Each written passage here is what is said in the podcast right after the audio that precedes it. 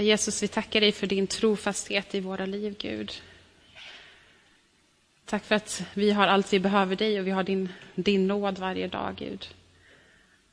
Och vi kommer inför ditt ansikte, Gud, och vi vill lyssna till ditt ord idag, Gud. Och vi ber att, att du ska tala till oss, öppna våra hjärtan för dig, Gud, och hjälp oss att lägga ner det vi bär på för att också ta emot det som du vill ge oss idag, Gud. I Jesu namn, amen. Jag vet inte om ni brukar titta på Vinterstudion nu den här tiden på året, där det är så mycket olika skidlopp som sker. Jag brukar faktiskt inte göra det, men just nu på mitt andra jobb, där jag jobbar på ett gruppboende, så står det alltid på, på på tvn i bakgrunden, så jag har inte kunnat undgå att missa det här.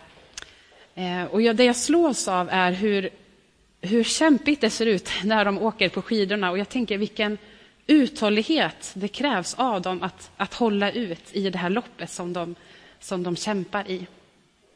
Och Det här med uthållighet är också någonting som vi pratar väldigt mycket om idag. Vi får höra att vi ska hålla ut. Men hur ska man orka? Vad ger oss uthållighet? Vad kan bära oss igenom det här? Och då tänker jag inte bara i en pandemi, utan också i livet i stort, så är det fullt av svårigheter och prövningar. Vad kan ge oss uthållighet? Vad kan bära oss? Förra fredagen så predikade Fredrik om eh, att vi är omgivna av en sky av vittnen och vi har en predikoserie där vi tar till oss berättelserna av några av de här vittnena som vi får läsa om i Hebreerbrevet 11 och 12. Och idag så ska vi stanna till vid ett av de vittnena, Abraham och hans liv och hur det beskrivs i Hebreerbrevet. Vad kan Abrahams liv lära oss? Eh, hur kan vi få uthållighet? Temat för dagens predikan är Abraham ett, att leva ett liv i tro. Och jag är övertygad om att tron är det som bär oss genom livet. Så vi ska se på Abrahams liv. Vad kan det ge för nycklar för oss idag i, i Guds ord? Vi ska läsa från Hebreerbrevet kapitel 11, verserna 8 till 19. Så följ gärna med i bibeltexten som också kommer på skärmen för er. I tro lydde Abraham när han blev kallad. Han drog bort till ett land som skulle bli hans och han drog bort utan att veta vart han skulle komma. I tro slog han sig ner i det utlovade landet som ett främmande land och bodde i tält liksom Isak och Jakob som hade fått del i samma löfte. Ty han väntade på den stad med fast grund som Gud själv har planlagt och byggt. I tro fick han kraft att avla en son, fast han, liksom Sara, var överårig. Han litade på den som hade gett löftet. Därför fick han, den enda man som, var, som dessutom var så gott som död, en avkomma talrik som stjärnorna på himlen och de oräkneliga sandkornen på havsstranden. I tro dog alla dessa utan att fått vad de hade blivit utlovade. De hade bara sett det i fjärran och hälsat det och bekänt sig vara gäster och främlingar på jorden. De som talar så visar att de söker ett hemland. Om de hade tänkt på det land som de hade lämnat kunde de ha återvänt dit. Men nu längtar de till ett bättre land, ett i himlen. Därför skäms inte Gud för dem, utan de får kalla honom sin Gud. Han har ju grundat en stad åt dem. I tro bar Abraham fram Isak som offer när han sattes på prov. Sin enda son var han beredd att offra, han som hade tagit emot löftena och till vilken Gud hade sagt, det är Isaks ättlingar som ska föra ditt namn vidare. Han sade sig att Gud hade makt att till och med uppväcka döda. Från de döda fick han också, bildligt talat, sonen tillbaka.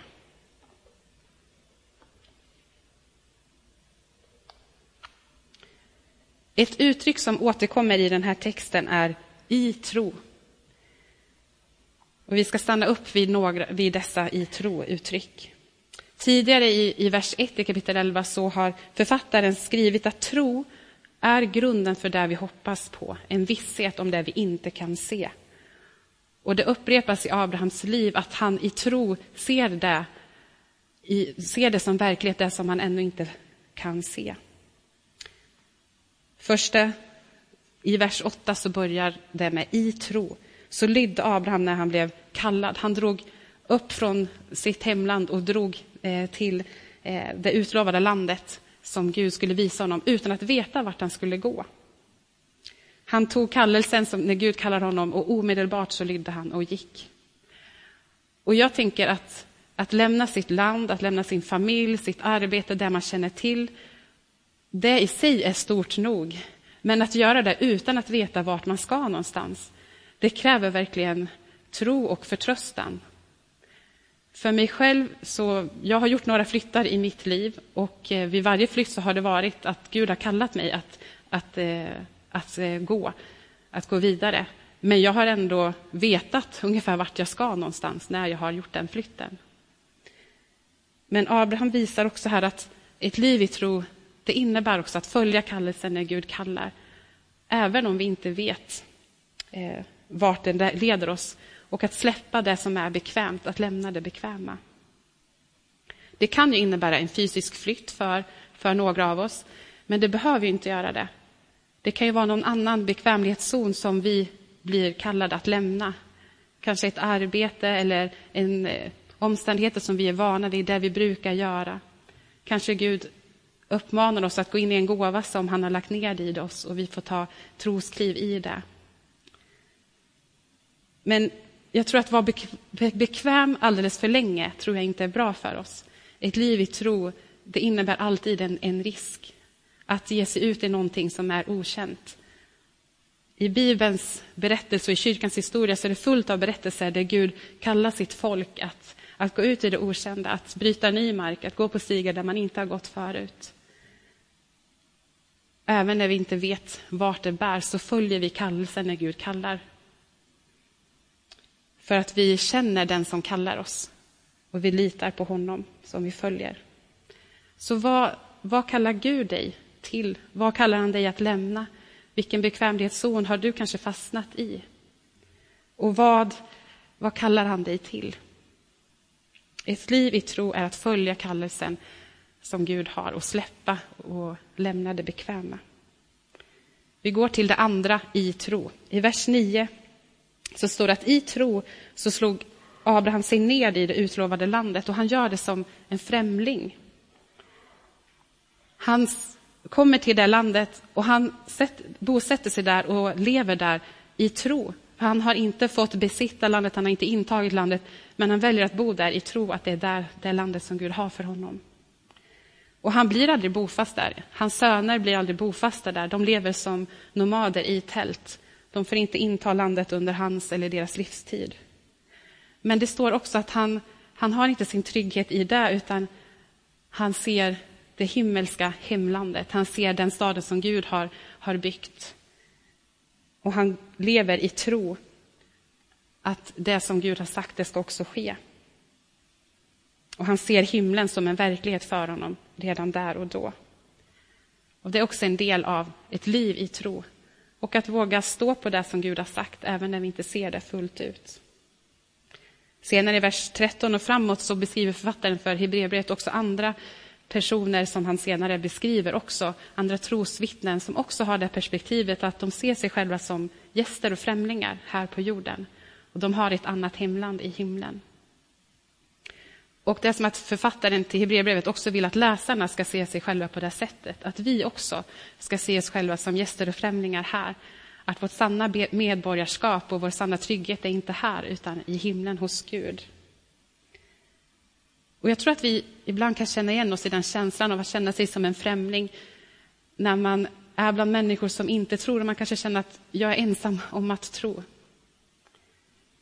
Det står också att de längtar efter ett bättre hemland. Jag tror vi alla kan känna igen oss nu, att vi längtar efter någonting bättre. Vi längtar efter att få mötas.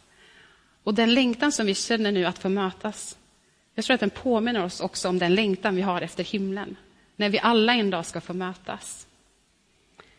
När alla stammar och språk får vara tillsammans inför Gud. Just nu lever vi i en begränsad tillvaro med sjukdom, med krig, med synd. Men en dag så ska vi få leva i frihet, i fullkomlig försoning, i fred, i, i kärlek och i harmoni tillsammans med Gud och med varandra. Ett liv i tro innebär att vi lever som gäster och främlingar här, med där vi ser himlen som en verklighet. Och där är vårt sanna medborgarskap. Vi går till nästa i tro. I vers 11 så står det att i tro fick Abraham kraft att avla en son, trots att han var överårig. I någon översättning så står det att det är Sara som får kraft, hans fru. Abraham och Sara, de var gamla. Abraham var 100 och Sara var 90 när de fick löftet om att få en son. Det är väldigt gammalt. Det är alltså inte, vi snackar inte här om 40-50-åringar som får barn, utan 90-åringar. Det var verkligen omöjligt. Om vi läser hela berättelsen så ser vi att det var inte enkelt för dem att tro på det. Båda tvivlade och eh, de försökte hitta andra sätt för att det här skulle ske. Men till slut, för de, deras tvivel nämns inte här, men det vet vi när vi vet berättelsen, men till slut så, så tror de och de får ta emot sonen Isak, löftessonen. Men det var verkligen omöjligt i deras ögon och öron att det skulle kunna ske. I Romarbrevet 4 och 18 så står det så här om Abraham. Där allt hopp var ute höll Abraham fast vid hoppet och trodde så att han kunde bli far till många folk enligt ordet så talrik ska din avkomma bli. Där allt hopp var ute. Jag fastnar vid de orden, att det var verkligen allt hoppar ute. Men där, i det omöjliga, där trodde han på Gud. Och att leva i tro, det handlar också om det, att, att tro Gud om det omöjliga. Så jag vill fråga, fråga till er, vad, vad har Gud lovat dig?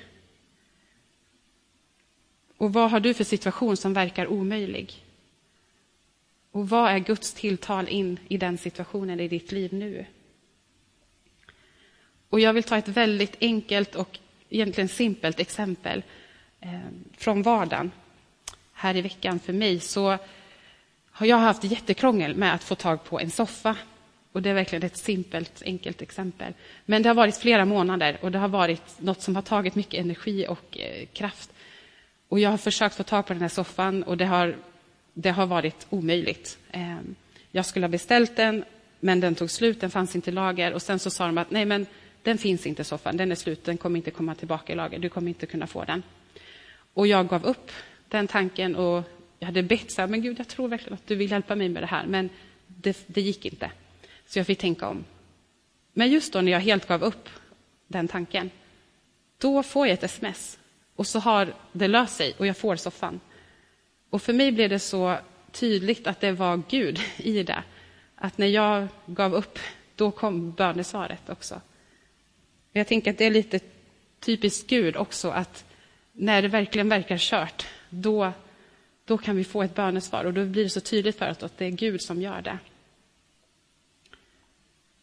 Vi tror på en stor Gud, en undrens Gud som kan ge barn till de som är här, för Abraham och Sara som är 90 år gamla.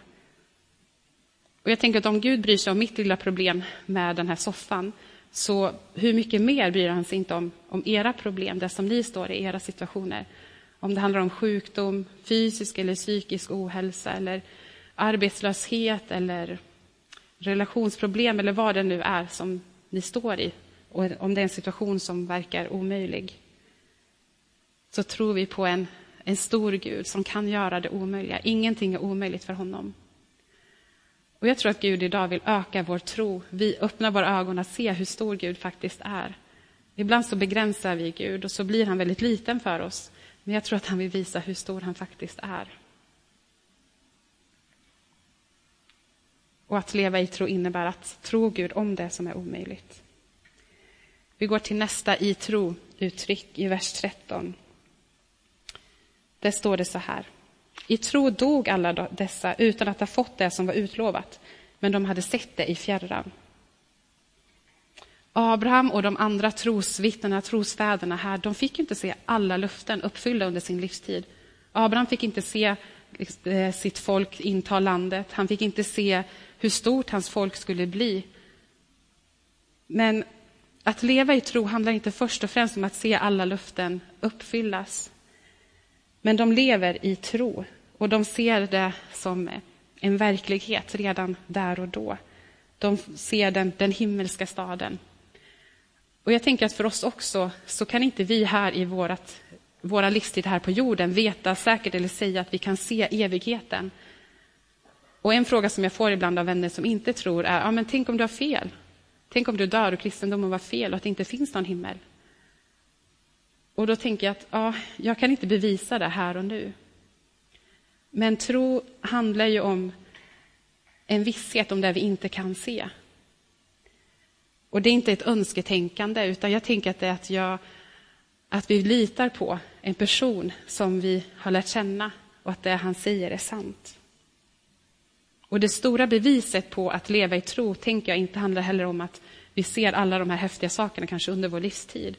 För de här exemplen som lyfts fram, det lyfts fram också att de dör i tro utan att ha sett det uppfyllas. Storheten är inte i allt som händer utan i att uthålligheten i tron.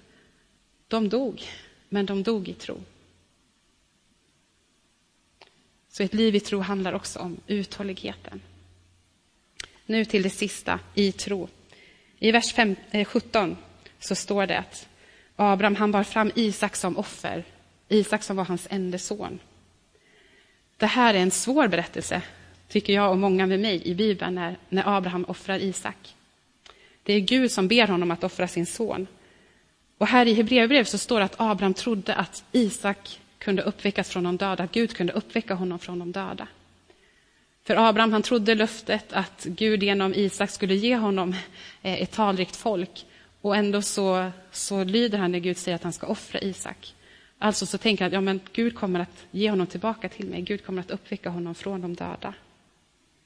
Och han är villig att göra det Gud ber honom, att ge tillbaka den löftesonen som han har tagit emot från Gud. Att ge upp det dyrbaraste han har, gåvan som han fick ifrån Gud, som Gud hade lovat honom, att ge det tillbaka till Gud. Och Det är också en del av ett liv i tro, att, att överlämna det som inte går att ersätta.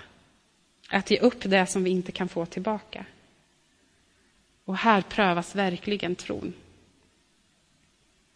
Att ge upp det som Gud har, har gett oss. Att inte låta någonting få en högre plats än Gud. Och Abraham, hans tro var, bar hela vägen här, in i, i det sista. Till och med till döden så var han villig att, att följa Gud. Och jag tänker att vår tro prövas också. Kanske inte på just det här sättet, men på andra sätt. Och vi kanske upplever att vi får ge upp mycket nu. Att vi får ge upp saker som är viktiga för oss och centrala i vår tro och i vår gemenskap. Och vår uthållighet i tron prövas här. Men här så får vi också ha en visshet om det vi inte kan se. Just nu är det mycket som vi inte kan se. Vi kan inte se hela församlingen. Jag kan inte se er där hemma nu. Vi kanske inte tycker att vi kan se Guds rike eh, utbredas. Och jag kan inte se vad Gud gör i era liv just nu. Men i tro så kan vi ha en visshet, även om det är som vi inte kan se. Gud verkade i Abrahams liv när han, när han lämnar över det som han inte kunde få tillbaka, när han gör det i tron. Han lämnar över det oersättliga. Och jag tror att Gud verkar i våra liv också. Och vad är, vad är oersättligt för dig? Vad är det som du kanske behöver ge upp just nu? På vilka områden prövas din och min tro just nu? Där verkar också Gud. Att leva i tro handlar alltid om, om en risk. Det är inte den bekväma vägen. Men det är ett äventyr och vi får se Guds storhet genom livet. Så för att sammanfatta. Ett liv i tro innebär att vi kallas att lämna det bekväma och följa Gud. Vi ser på oss själva som gäster och främlingar här och lever med himlen som en verklighet med vårt, där vårt sanna medborgarskap är. Och vi tror Gud om det omöjliga. Och vi lever i tro i uthållighet. Och vi är villiga och vill vara villiga att överlämna allt, även det som inte går att ersätta. Och vi har den här skyn av vittnen också som, som påminner oss om det och som ger oss uthållighet att fullborda trons lopp, som de gjorde. Och vi har hoppet att vi ska få mötas, inte bara att vi ska få mötas tillsammans eh, i kyrkan en dag, utan att vi ska alla få möta alla de heliga tillsammans i himlen inför Gud. Alla Guds folk genom tiderna. I vårt himmelska hemland. Och vi har löftet, inte bara att vi ska få möta varandra ansikte mot ansikte, utan vi ska få möta Jesus själv ansikte mot ansikte. Det ger uthållighet. Jag vill avsluta med att läsa från Hebreerbrevet 10 och 23. Låt oss orubbligt fortsätta att bekänna vårt hopp till han som gav oss löftena är trofast. Amen.